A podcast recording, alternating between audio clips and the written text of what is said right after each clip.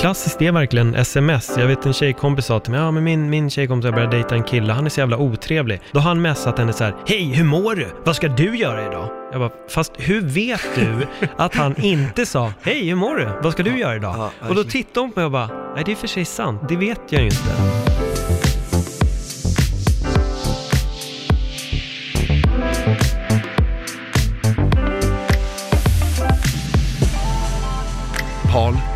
Välkommen. Tack så mycket. Vi, vi satt och snackade om det precis innan jag började att eh, jag, vi, ingen av oss gillar att lägga en label på något. Utan, Precis. utan liksom att man vill ta det lite som det kommer och, och se vad som händer när man bara drar igång. Exakt. Eller hur? Och du och jag pratade om det här till och från, lite om din podd och vad, vad tanken ska vara med den och hur man ska mm, benämna den, precis som du säger, en label. Och det, jag har ju en egen podd här på I Like Radio också som heter Öppet sinne. Exakt. Förut var det Paul Elvaje podcast, men numera Öppet sinne. Men jag känner att du och jag tänker lite lika där. Vi vill prata om allt möjligt med alla möjliga typer av människor och eh, då blir man bara begränsad om man sätter en, en titel och en nisch att det här är min podd istället för att det här är en podd om allt, vad som helst. Och jag, är, jag som person är otroligt nyfiken på väldigt mycket. Vet, allt från rymden till historia till, du har ju snackat om sjukt intressanta ämnen i din podd, eh, biohacking, Mm. eh, som jag gärna hade velat gå in på lite mer. Och jag känner bara att det finns så mycket man kan prata om och så mycket som man kan lära sig. Så det är lite synd om man bara liksom begränsar sig i det. Jag håller med, det är lite synd om man eh, bjuder in astronauten Fugelsang till Sex med Smile och, ska prata om vad föredrar du när du är i sängen? Har du, har du haft en astronaut på din podd? Nej, jag har inte det. Det vore kul att ha. Du, menar, är du också intresserad av rymden? Jag är intresserad av precis allt. Allt? Rymden är jätte, jätteintressant. Jag är lika intresserad som den inre rymden som var inom oss i form av vårt sinne och medvetande. Det yttre också. Eh, avsnittet som kommer nu handlar om havet, miljön, klimaten, klimatet och äh, men rymden är superintressant. Jag har nog bara inte fått grepp om vilken person som jag skulle kunna ha med i min podd för att prata om det. Men det är ju, jag är, jag är super Vi skulle kunna snacka om det. Jag har en del erfarenhet av rymden faktiskt. Kör bara, kör. Men, men, men biohacking är ett ämne som börjar bli väldigt populärt. Ja, definitivt. Man, man hör mycket mer om det och jag tror att det här är bara början. Kan du, kan du förklara lite exakt vad biohacking är? Okej, jag kan försöka göra en typ av förklaring. Jag kan nog säga att först och främst tror jag att biohacking är alltså, så här otroligt missförstått av folk. Jag tror att folk tror att biohacking är något som det inte är. Det kort och gott handlar om att hacka din egen biologi. Alltså fysiologi, att äta rätt, meditera, träna. Allt det går egentligen under biohacking. Sen finns det tech också som att du kan ha blue light blockers bara för att stoppa blåljus från skärmar, ljus runt omkring. Eh, Jag har precis börjat använda mig av rödljusterapi. Jag har sett det. Ja, Vad gör den här rödljusterapin? alltså det här är så löjligt för när jag, ja, redan innan jag fick den så började jag läsa på om just rödljusterapi och det är som att rödljusterapi är bra för precis allt. Alltså verkligen så här precis allt. Så att Okej. när jag läste det kändes det, det var nästan löjligt när jag började läsa om, om allt vad var bra för och det kändes nästan lite overkligt. Men det som är just med rödljusterapi är att det finns otroligt mycket forskning bakom rödljusterapi. Så att det är inte bara en produkt som påstår sig vara bra och sen visar sig inte riktigt vara det. Men rödljusterapi är bra för verkligen allt möjligt. Det det gör är att de här röda, röda, det röda ljuset då, tränger igenom huden, går in i mitokondrierna och börjar stimulera produktionen av ATP. Där upphör lite min så här förklaring till exakt vad är det, så jag ska inte ens försöka förklara det. Eh, men det är positivt ur många, många aspekter och jag tror att det som gör nu att rödljusterapin har lyfts är för att man har insett att det funkar även inom fitnessvärlden. Det är bra efter träning, före träning, det är bra för kroppen. Och det tror jag gör att rödljusterapin kommer få en boost. Det började med att många använde rödljusterapi för föryngring. Okej. Alltså för huden, ansiktet, att man jobbade med det ur den aspekten och mycket beauty, beauty salong som Ah, utnyttjades okej. utav rödljusterapi. Men nu har det då gått, gått, lite hamnat mer inne vid just fitnessvärlden. Mm. Jag har använt mig av eh, en eh, rödljuslampa. Alltså det är en panel som har rödljus som, vad är det, sänder ut vissa frekvenser. Så ett rödljus ser inte ögat, det andra rödljuset ser du. Så när man får den här panelen ser det ut som att vissa lampor är trasiga. Men det är bara en rödljus, ett rödljus som, som inte ögat kan snappa upp. Okej, det är liksom olika nyanser på Exakt. det här röda ljuset. Exakt. För jag har sett allt mer folk på min Instagram, liksom så här, när man scrollar runt, som sitter i något som liknar en bastu Ja, med rödljus. Exakt.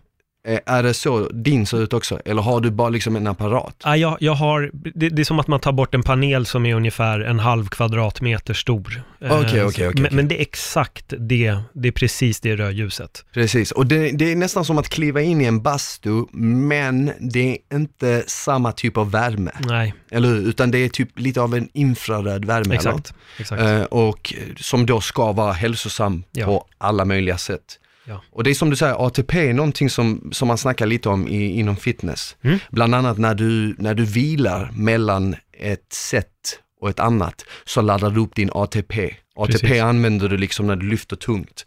Så de säger liksom, ju mer du vilar desto mer laddar du upp din ATP, Mm. så kan du köra liksom tungt. Men häftigt att det hjälper på alla fronter liksom. Har du märkt någon skillnad av det? Ja, det har jag. Ehm, det, det, finns, det finns tre faktorer här. Rödljuset är en. Sen är det att jag köpte en sorts rygggrej, massagerygg, eh, en, en massageapparat som funkar för hela kroppen, men jag använder den väldigt mycket på ryggen. Sen har jag jobbat med väldigt mycket skulderstabiliserare, alltså axelstabiliseringsövningar. Så jag ska inte säga att det har bara med rödljuset att göra, men sen jag fick rödljuset och applicerat de här tre sakerna i en bra kombination, så har jag fått en mycket bättre känsla i min rygg. Alltså jag är inte lika stel, jag har inte lika ont. Och jag kan verkligen känna, jag använder det här varje dag. Ehm, och jag kan verkligen känna att när jag, när jag använder mig av rödljuset på ryggen, det händer någonting. Mm. Jag kan inte sätta fingret på exakt vad det är, men, men det är en väldigt skön och behaglig känsla för ryggen. Eh, det här är också en bra grej som du kanske kan ta med i Sex med Smile Frida. Eh, man kan också använda rödljuset för eh, pungkulorna. Oj, Och eh, om du använder den där så förhöjer du alltså testosteronnivåerna. det är så? Ja, och det kan även, även förbättra din fertilitet. Så att du får bättre spermier av att använda rödljus. Och det här är någonting som många faktiskt använder sig av som har problem med att få barn. Det Okej. finns en fighter som heter Tidig Dillashaw till exempel. Han hade Mhm. lite svårt att få, att få sin fru gravid och han började jobba med just rödljusterapi och han använder det på pungkulorna också. Och nu är han pappa. Wow. Ja, Coolt. Men det känns ju som att det börjar bli allt mer hype och allt mer populärt att försöka bli den bästa versionen av sig själv, eller hur? exakt. Folk, det, nu, innan var det ju liksom kom igång och börja träna, Mm. eller hur? Sen var det så här, okej, nu räcker det inte bara att träna, nu måste vi börja tänka på hur vi äter också. Och sen var det så här, okej, men nu måste vi tänka på att meditera. Vi Yes. måste börja meditera, vi måste liksom vara mindful, vi måste liksom vara i en harmoni.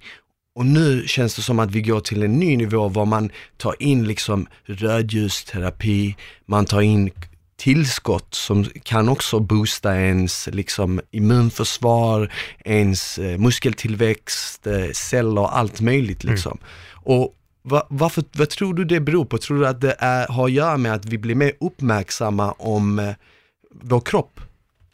Ja, jag skulle nog säga att det är det i en kombination med forskning och eh, internet.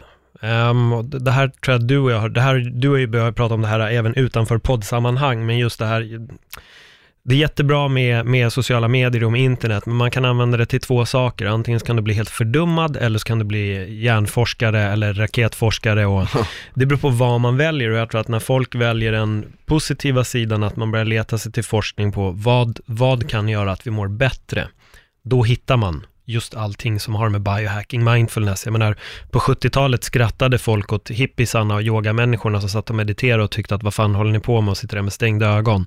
Idag visar forskningen att det bästa du kan göra är att meditera. Ja. Eh, alltså när du mediterar, bara av att meditera 20 minuter om dagen, så får du alltså receptorer i hjärnan som börjar växa. Dina hjärnceller, hjärncellerna expanderar inte, men, men du får oerhörda förbättringar i din hjärna. Det ger dig ett lugn, det är så många fördelaktiga saker av att använda sig av meditation. Och backar vi inom forskning, ja, då förstod man inte syftet. Idag fattar vi syftet av att meditera. Jag tror att ju mer man får veta av den positiva forskningen om, om allt, det gör också att man är redo att testa, vilket du och jag är. Du, Ja. liksom, du, är, du är en extremt vältränad man.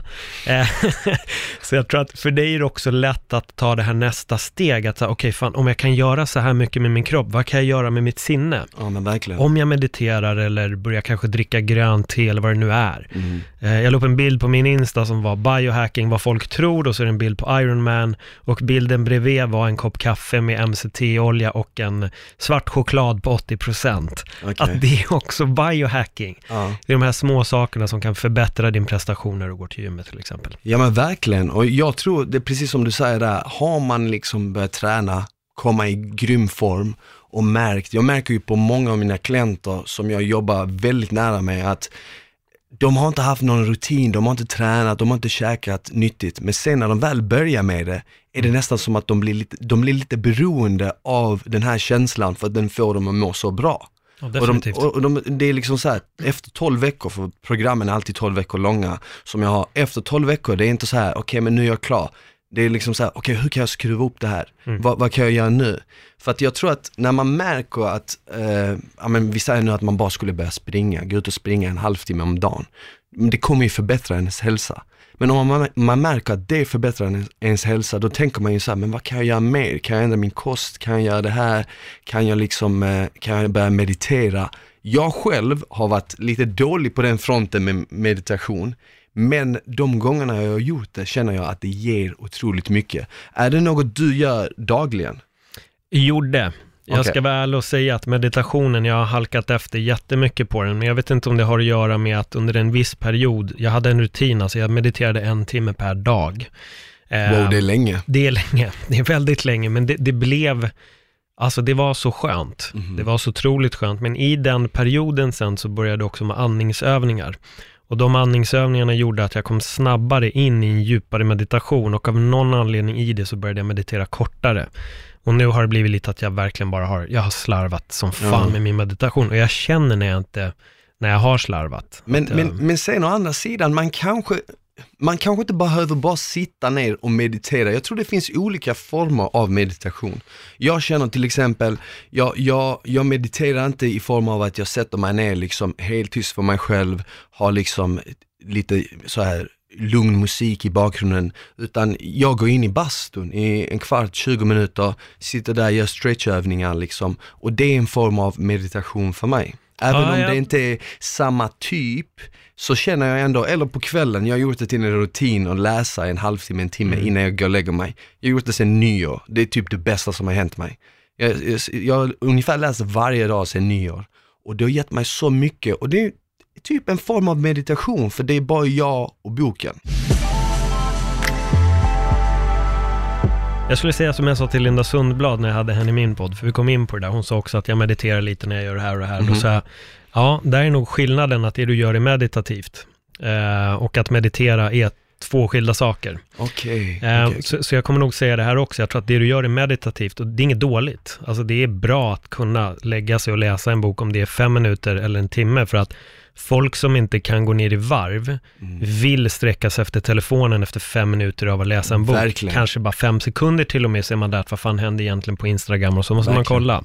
Men jag skulle nog säga att det du gör är mer meditativt. Det blir lite som att säga, jo men vad fan, egentligen tränade jag för att eh, jag gick upp fem trappor idag och Mm. jag gjorde det faktiskt fem gånger var jag tvungen att gå upp för de här trapporna, så jag har Mm. tränat. Mhm. Medan du som då coach och liksom träningsmänniska skulle säga, nej du gick bara upp för Ja, jag fem förstår, jag trappor." förstår vad du menar. Jag- Det, det, det är nästan som att det, det är det sista steget innan man riktigt Exakt. börjar meditera på riktigt kanske. Exakt. Ja men det tror jag. Eller? Definitivt. Men det, det är alltid en början känner jag. Mm. Jag tror att nästa steg för mig skulle vara att, att börja åtminstone 10 minuter på morgonen när jag vaknar Mm. meditera. Vilket jag definitivt kommer börja göra för att de gångerna jag har gjort det eh, och då har jag liksom bara liksom lagt mig ner, fokuserat bara på andningen, inte tänkt på något annat, bara fokuserat på andningen och det, det har gett mig det, kän, det har gett mig en känsla av att jag är mer närvarande i nuet. Exakt, och det är det meditationen gör. Eller hur? Mm. Jag är mer närvarande i nuet och jag är mycket mer närvarande i samtal med andra människor. Det är någonting som jag märkte väldigt tydligt. Eh, för att ofta så pratar vi bara med, det är precis som att vi pratar med en människa men vi är inte riktigt där, vi lyssnar inte. Vi lyssnar för att svara kanske, men vi Mm. lyssnar inte för att verkligen höra på vad de har att säga. Men jag märkte att när jag mediterade, när jag verkligen kom in i det, så var jag faktiskt i en konversation på riktigt. Och det kommer du märka om du börjar använda dig utav mer meditation, så kommer du märka att din, du, du kommer aldrig bli stressad. Mm. Det är svårt att bli stressad, för det var det jag märkte när jag mediterade en timme om dagen. Ingenting stressade mig. Saker som i vanliga fall hade höjt min puls, eller att jag skulle, nu har jag bråttom, det, det gjorde inte det. Utan du, då blir du stressad av det som du på riktigt behöver bli stressad av. Typ om du blir attackerad av en tiger. Då kommer du reagera. Det händer ju jätteofta här i Stockholm. Exakt. Ja. Problemet nu är det att vi får ju den reaktionen av att missa en tunnelbana. Så triggas samma saker i vår hjärna. Den här frustrationen, vad fan, och du får en uppstressning eller att någon skriver någonting negativt om dig på någon social media och så är man, har man den där tigen bakom sig. Fan vad kul att du säger det, för exakt de två exem- exemplen drog jag i morse efter jag var ute och sprang. Jag var ute och sprang Mm. en halvtimme, 40 minuter och det var det är jävligt kallt idag. Det var en grad ute liksom. Mm. Det blåste, det var för jävligt. Och så sprang jag, så tänkte jag så här efter jag var klar liksom. För du vet hur det är när man är ute och springer, idag sprang jag utan musik. Sprang liksom för mig själv bara, liksom tänkte. Och när man, när man sätter igång kroppen, man sätter igång blodet, så börjar man liksom få lite klarare tankar. Man känner hur hjärnan blir klarare. Så tänkte jag så här, jag bara fan vad enkelt det är att gå ute eller springa ute när det är 20 grader. När det är t-shirtväder. Men fy fan vad jobbigt det är när man är ute så här och det är noll grader ute och det snöar och det blåser, det är för jävligt. Men så tänkte jag, vi, vad skönt det är att starta dagen på det här sättet med den här uppförsbacken. För att sen blir allting en fis i rymden. De här negativa kommentarerna som annars hade varit jättejobbiga, de blir helt oväsentliga. De, de, de, de är liksom som en mygga. Eller liksom som du sa, jag nämnde precis det om man missat bussen eller missat tuben. Någonting som man annars skulle bli jätteupprörd, stressad över. Det blir bara så här, ah, jag kände det när jag gick på väg mot tuben. Folk sprang, ja, jag gick bara. Jag tänkte, missar jag den så missar jag den. Det kommer en ny. Det är inte hela världen. Just nu hade jag ju inte liksom ett, jag hade ju tid på mig liksom. Så annars hade jag, jag, jag vill ju inte lägga mig i en position där jag måste stressa själv. Men jag märker bara att när man börjar dagen med något som är jobbigt, något som är tufft, då blir allt annat en nedförsbacke, eller hur? Ja, men det stämmer. Min, min morgonrutin är andningsövningar och sen en kalldusch. Och, och då menar jag iskallaste som går att få, inte att jag tar en, en sval dusch, utan jag jobbar med, med iskallt. Och när du säger det här med att springa runt och att det är en plusgrad, ibland när jag hade tränat, eh, när det var kallt ute, minusgrader såklart, så duschade jag kallt, sen gick jag ut och satte mig i kalsonger på balkongen. Fy fan, Blöt. vilken krigare. Eh, och där kunde jag sitta och meditera i mellan fem och tio minuter, bara Shit. för att utsätta mig för, för kylexponering. Men det finns också, det, jag tror det var min yogainstruktör som sa just det där, han, han nämnde precis det du nämner, fast i takt med, ehm, vad heter det, med, eh, med kallduschar. Okej? Att vissa, i vissa länder och vissa stammar så har de kallduschen just som en tradition, för att när du har gått igenom den där otroligt jobbiga kylan direkt på morgonen, så blir allt andra väldigt enkelt, precis Men som du sa. Verkligen, så är det. Du måste eh, få veta en sak. Mm. Det med kallduschar, du har faktiskt inspirerat mig där. Är det så? Jag har börjat varje morgon. Jag, tar inte, jag, tar, jag ska inte säga att jag tar en kall, kall dusch hela tiden. Nej. Men du vet, när man, så fort man skruvar på duschen, det första som kommer ut, de första Mm. 15 sekunderna, är iskallt vatten. Innan väntade jag på att det skulle gå förbi så att det varma skulle komma. Så tänkte jag så här, fan, det här hade inte Paul gjort. Han hade hoppat in direkt. Och, så jag har börjat med det. Jag har gjort det nu ungefär i två, tre veckors tid. Jag hoppar in direkt när jag sätter på den. Det är jätteobehagligt, det är jättekallt. Men sen kommer det här varma efter liksom 15-20 sekunder och jag duschar inte länge, jag duschar på en minut typ. Mm. Jag duschar max en minut och det har jag fått sen, eh, sen, sen jag var yngre, när jag bodde hemma. Då var min farsa väldigt mycket så här, du vet, man duschar max två minuter, tre minuter, sen stod han och bankade på dörren, ut! Du vet så här. Så jag, var, så jag fick ju aldrig liksom, jag fick aldrig duscha längre än det. Eh, och, och, och, och jag vet inte vad det var, om det var en vattenräkning han tänkte på liksom, det var tuffa tider. Men hur som helst, därifrån fick jag den här liksom att man, man behöver inte ta en jättelång dusch, man behöver inte stå där i en kvart liksom. Nej. Men eh, jag har börjat med det och det är jävligt skönt. Mm. Jag gör ju det redan efter bastun. När jag varit i bastun i en kvart, 20 minuter. Jag älskar att gå ut och ta en kall dusch då, men då är den inte riktigt kall. För då är man ju så jävla Nej, varm. huden är så varm. Det, exakt, det, det, det är nästan behagligt att gå ut i det kalla då. Eh, men på morgonen, uff, vad det är jobbigt alltså. Ja, det känns. Det känns. Men man vänjer sig och skulle du lägga på andningsövningar på det där skulle kallduschen in, du skulle inte uppleva den lika kall. Men vad menar du med andningsövningar? Hur kan de se ut? Um, andningsövningarna är enkelt förklarat så drar du ett djupt andetag, så du fyller lungorna helt och släpper ut hälften av luften. Sen gör, repeterar du det här 30 gånger, så fullt in och så släpp ut hälften bara. Bara liksom släpp ut det. Hälften? Ja. Vad gör man med den andra halvan? Nej, men det, om, om du bara släpper ut luften, då kommer inte allt åka ut. Okej, Att, att blåsa ut allt, okej, okej, okej. Okej. då får du hålla på ett tag. Du menar att man nästan bara slappnar av och låter Mm. det gå ut? Låter det bara gå ut, sen drar du fullt in igen. Så gör man det 30 gånger och på det sista andetaget, då släpper du ut all luft. Sen håller du andan så länge du kan eh, och sen börjar du om igen. Eller innan du börjar om igen så drar du ett fullt igen, håller andan 15 sekunder, sen påbörjar du det här igen. Det, det här är Wim Hof-metoden. Så är man osäker kan man googla Wim Hof. Okej. Eh, man gör det här i tre gånger. När du har gjort det tre gånger så går du sen in och kör kallduschen.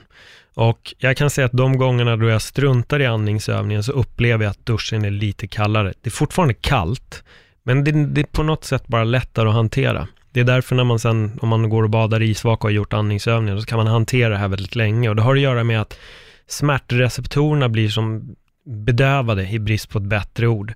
Så du känner inte smärta på samma sätt. Mm. Du blir lite snurrig också. Så när du går ner i isvaken så är det, det är mycket enklare. Okej, hanterar okej. Så du gör det här varje morgon ungefär? Mm. Och hur lång tid tar den här? Ungefär 5-10 minuter? Ja, däromkring. Okej. Andningsövningar, det beror på vilken hastighet jag gör andningsövningarna i. Alltså du kan göra dem väldigt långsamt. Då blir du oerhört lugn. Det kan jag säga om du är stressad och gör de här andningsövningarna superlångsamt. Att du kanske drar fem eller sex andetag på en minut. Att du jobbar Okej. att du, du går väldigt långsamt. Då börjar du dra ner pulsen. Mhm. Och då kan det räcka med bara mellan 6 och 10 andetag så har du dragit ner stressen i kroppen. Väldigt skönt att göra efter träning till exempel. Ja men jag tänkte precis på det, det här känns ju som något man egentligen kan göra när som helst på dagen. Absolut. Det är något du kan göra på lunchen på Mm. jobbet. Mm. Om du känner att det är jävligt stressigt, du ska tillbaka till en stressig miljö, du jobbar på ett kontor, det är folk överallt, du har massa möten, telefonsamtal. Det, kö- då känns det som att det här är perfekt. Liksom. Ja. Men tänk dig till exempel, om, om du börjar dra snabba djupa andetag. Ja, Då känner du att du får upp lite puls, ja eller hur? precis, precis. Men tänk sen att du vänder på det. Mm.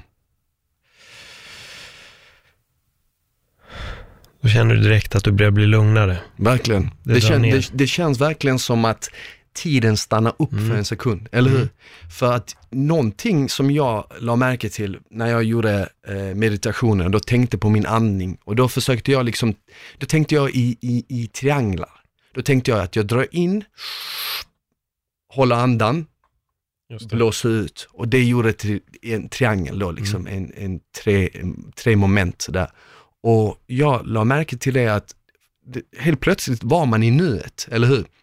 Och helt plötsligt så kunde man liksom så här fokusera på det du sa tidigare, det som egentligen spelar någon roll. Mm. För att något som är intressant som jag läste om för inte länge sedan var att 90% av alla tankar som oroar oss, och det är väldigt många tankar som vi går runt och oroar oss över, men 90% av allt det inträffar aldrig. Ja, nej, nej. Vilket ändå är otroligt. Så vi går runt och spenderar en hel del tid på att oroa oss, ö, oroa oss över saker som aldrig kommer inträffa. Nej. Ja, men det går hand i hand med det jag säger. Det här, du, du, de där 90 tankarna, det är 90 tigrar som inte jagar dig.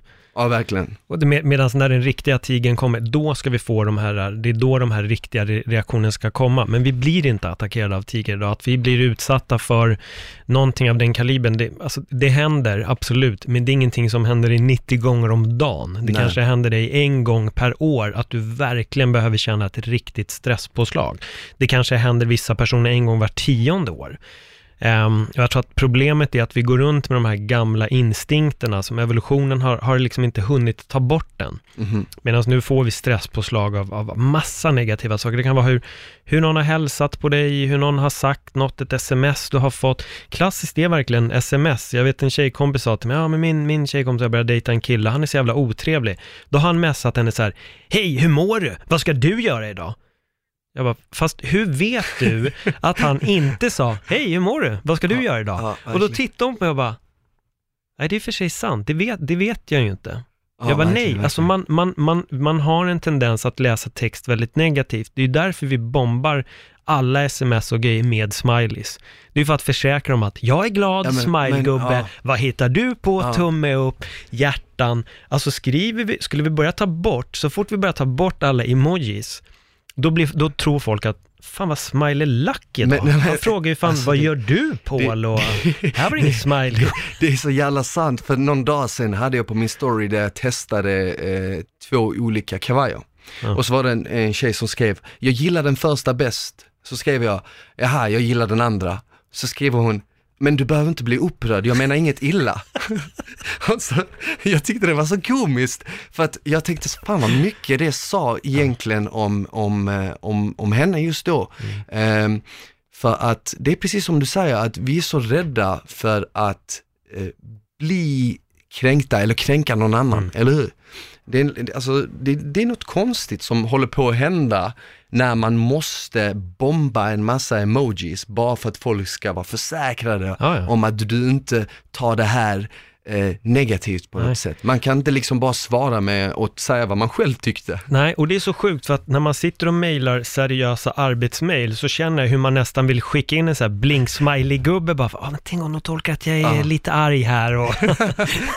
Men jag har ju faktiskt, jag har faktiskt märkt att många eh, mail som kommer in liksom från företag nu innehåller smileysar. Absolut. Det är Ja, ja. mycket vanligare än vad det var förr. Och det är lite skönt för då kan man skicka in dem själv också så att de är säkra på att man inte är sur. Ja men eh, det, kom, det kommer sluta med att vi bara kommunicerar i Ja, emojis. jag tror det också. Det kommer bli egyptiska hieroglyfer till slut, det är så.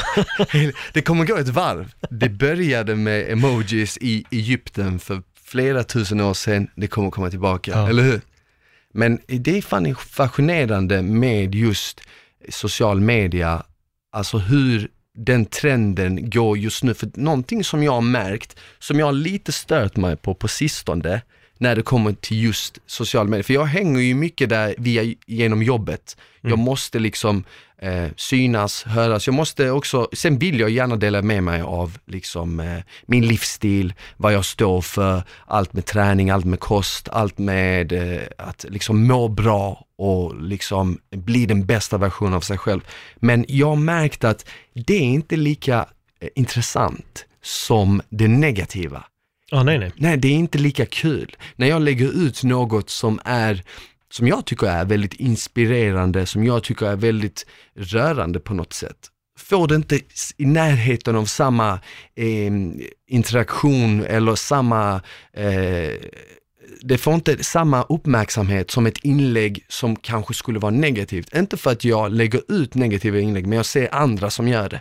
Och då stormar det in liksom kommentar och folk, folk gillar det, folk bryr sig, folk vill vara involverade i den här beefen, folk vill säga vad de tycker om det. Och det är så sjukt att det har blivit eh, en grej, att det har blivit populärt.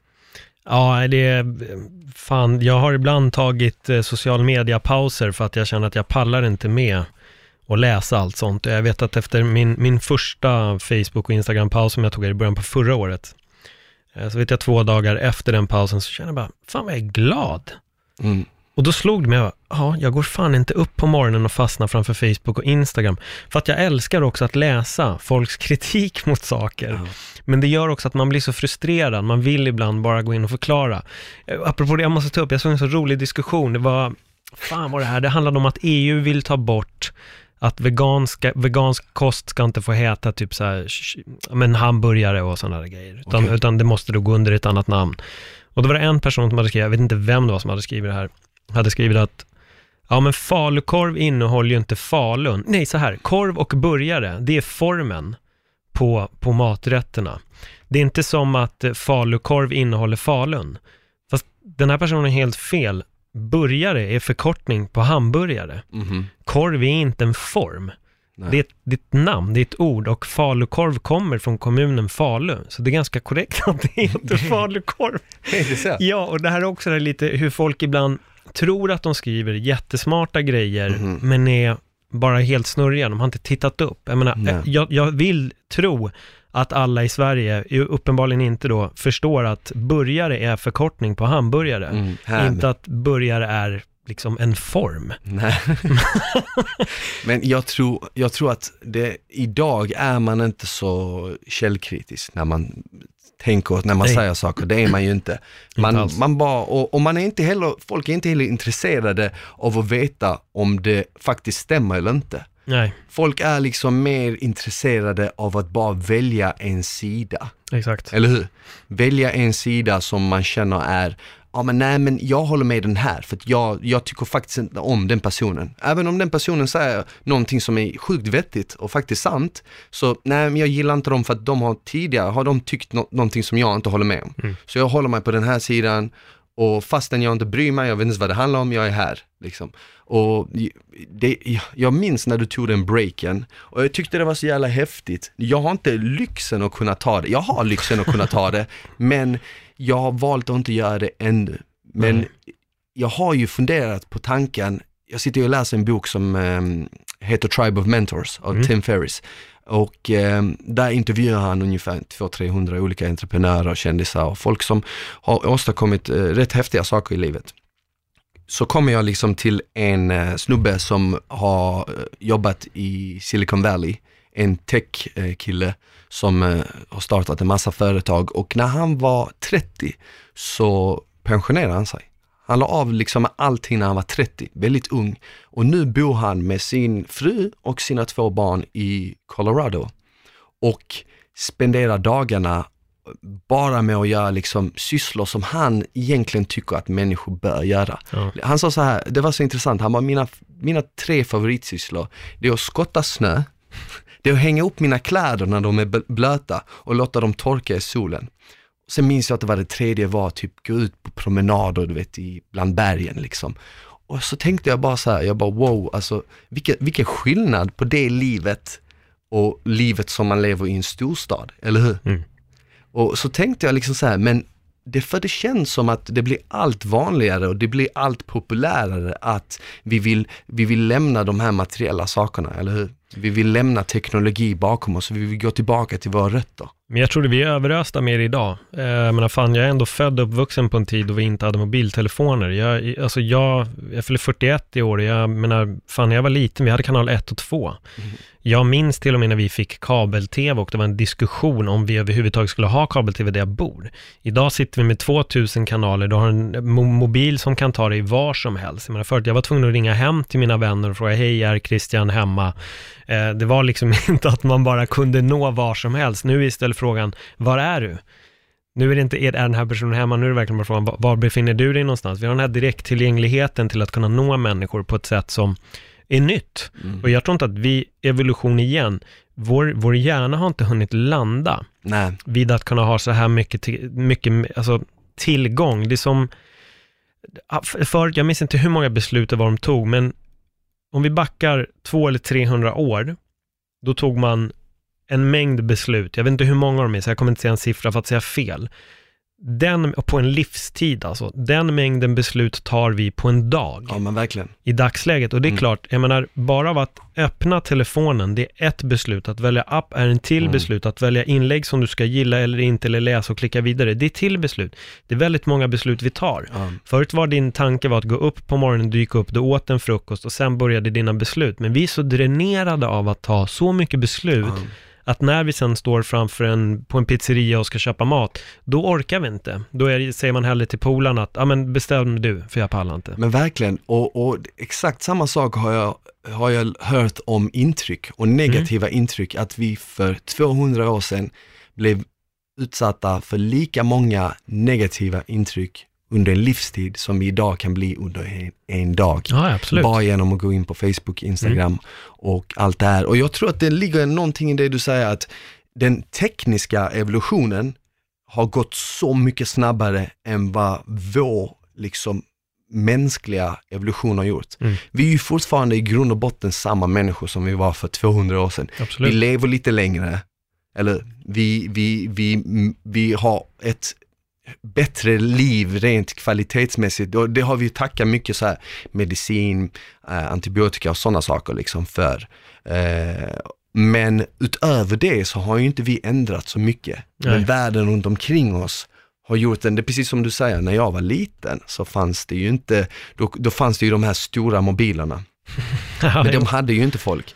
Men jag, jag, jag är ju 28 idag och jag har ju sett en så stor skillnad på bara liksom den korta perioden. För 28 år är egentligen ingenting om man tänker på hur mycket det har hänt. Mm. Och du vet att idag är det snack om VR och liksom att man ska kunna ta på sig, liksom, man kan ta på sig ett par glasögon och så kan man vara i en annan värld. Medan när jag var liten var det liksom pinnar och stenar. Så, så det är ju som du säger, det är en jävla skillnad alltså. Ja, ja, jag hade en påse med kulor och man spelar kula. I dagsläget så har ju folk en mobil och spelar 2000 spel. Vi hittade på att man kastade kort upp i luften, alltså Garbage Pail Kids kort. Ram- Landar de med rätt sida upp så vann man den andras kort om den ens var neråt och sådana där saker. Ah. I dagsläget vet jag inte vad, vad barn gör, men det är ju lek på en annan nivå. Äh, te- tekniken flyger fram. Alltså den, den flyger fram på ett jävligt obehagligt sätt. Jag tror att vi måste, ja, ibland behöver vi ta en paus.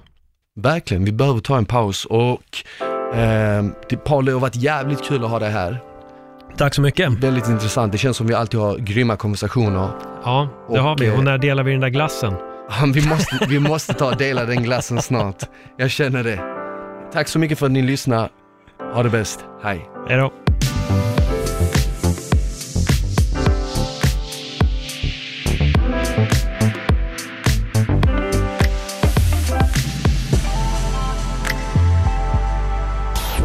Av I Like Radio. I like radio.